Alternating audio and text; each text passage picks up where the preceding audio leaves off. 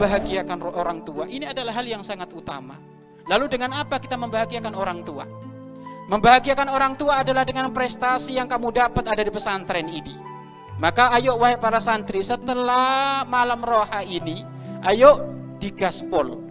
Ngajinya semakin semangat, hafalannya semakin semangat, murojaannya semakin semangat.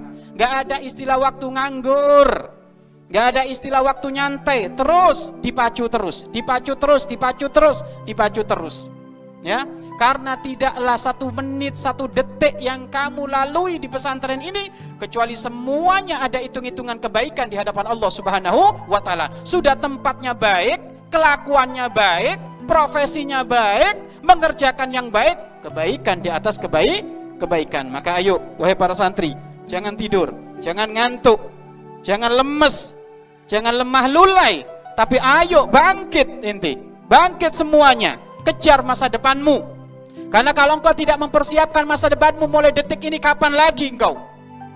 Karena di luar sana banyak orang sudah terkubur masa depannya, tenggelam masa depannya, hanyut masa depannya dengan apa? Pergaulan bebas.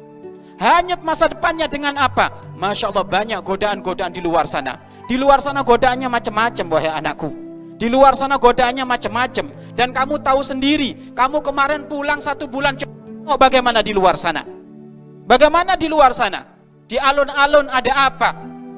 Malam minggu ngapain?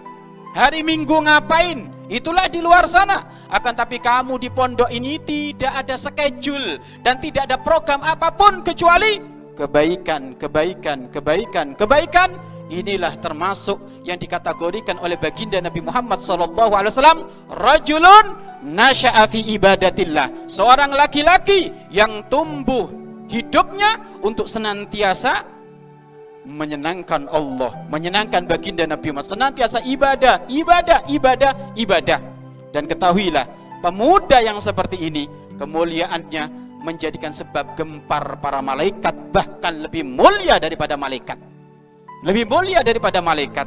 Ayuhasyab as-soleh anta indika ba'di malaikati. Wahai pemuda yang soleh, keberadaanmu di hadapanku seperti para malaikatku.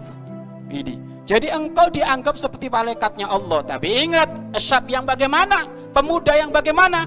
Pemuda yang pengen sambung dengan Rasulullah. Rasulullah.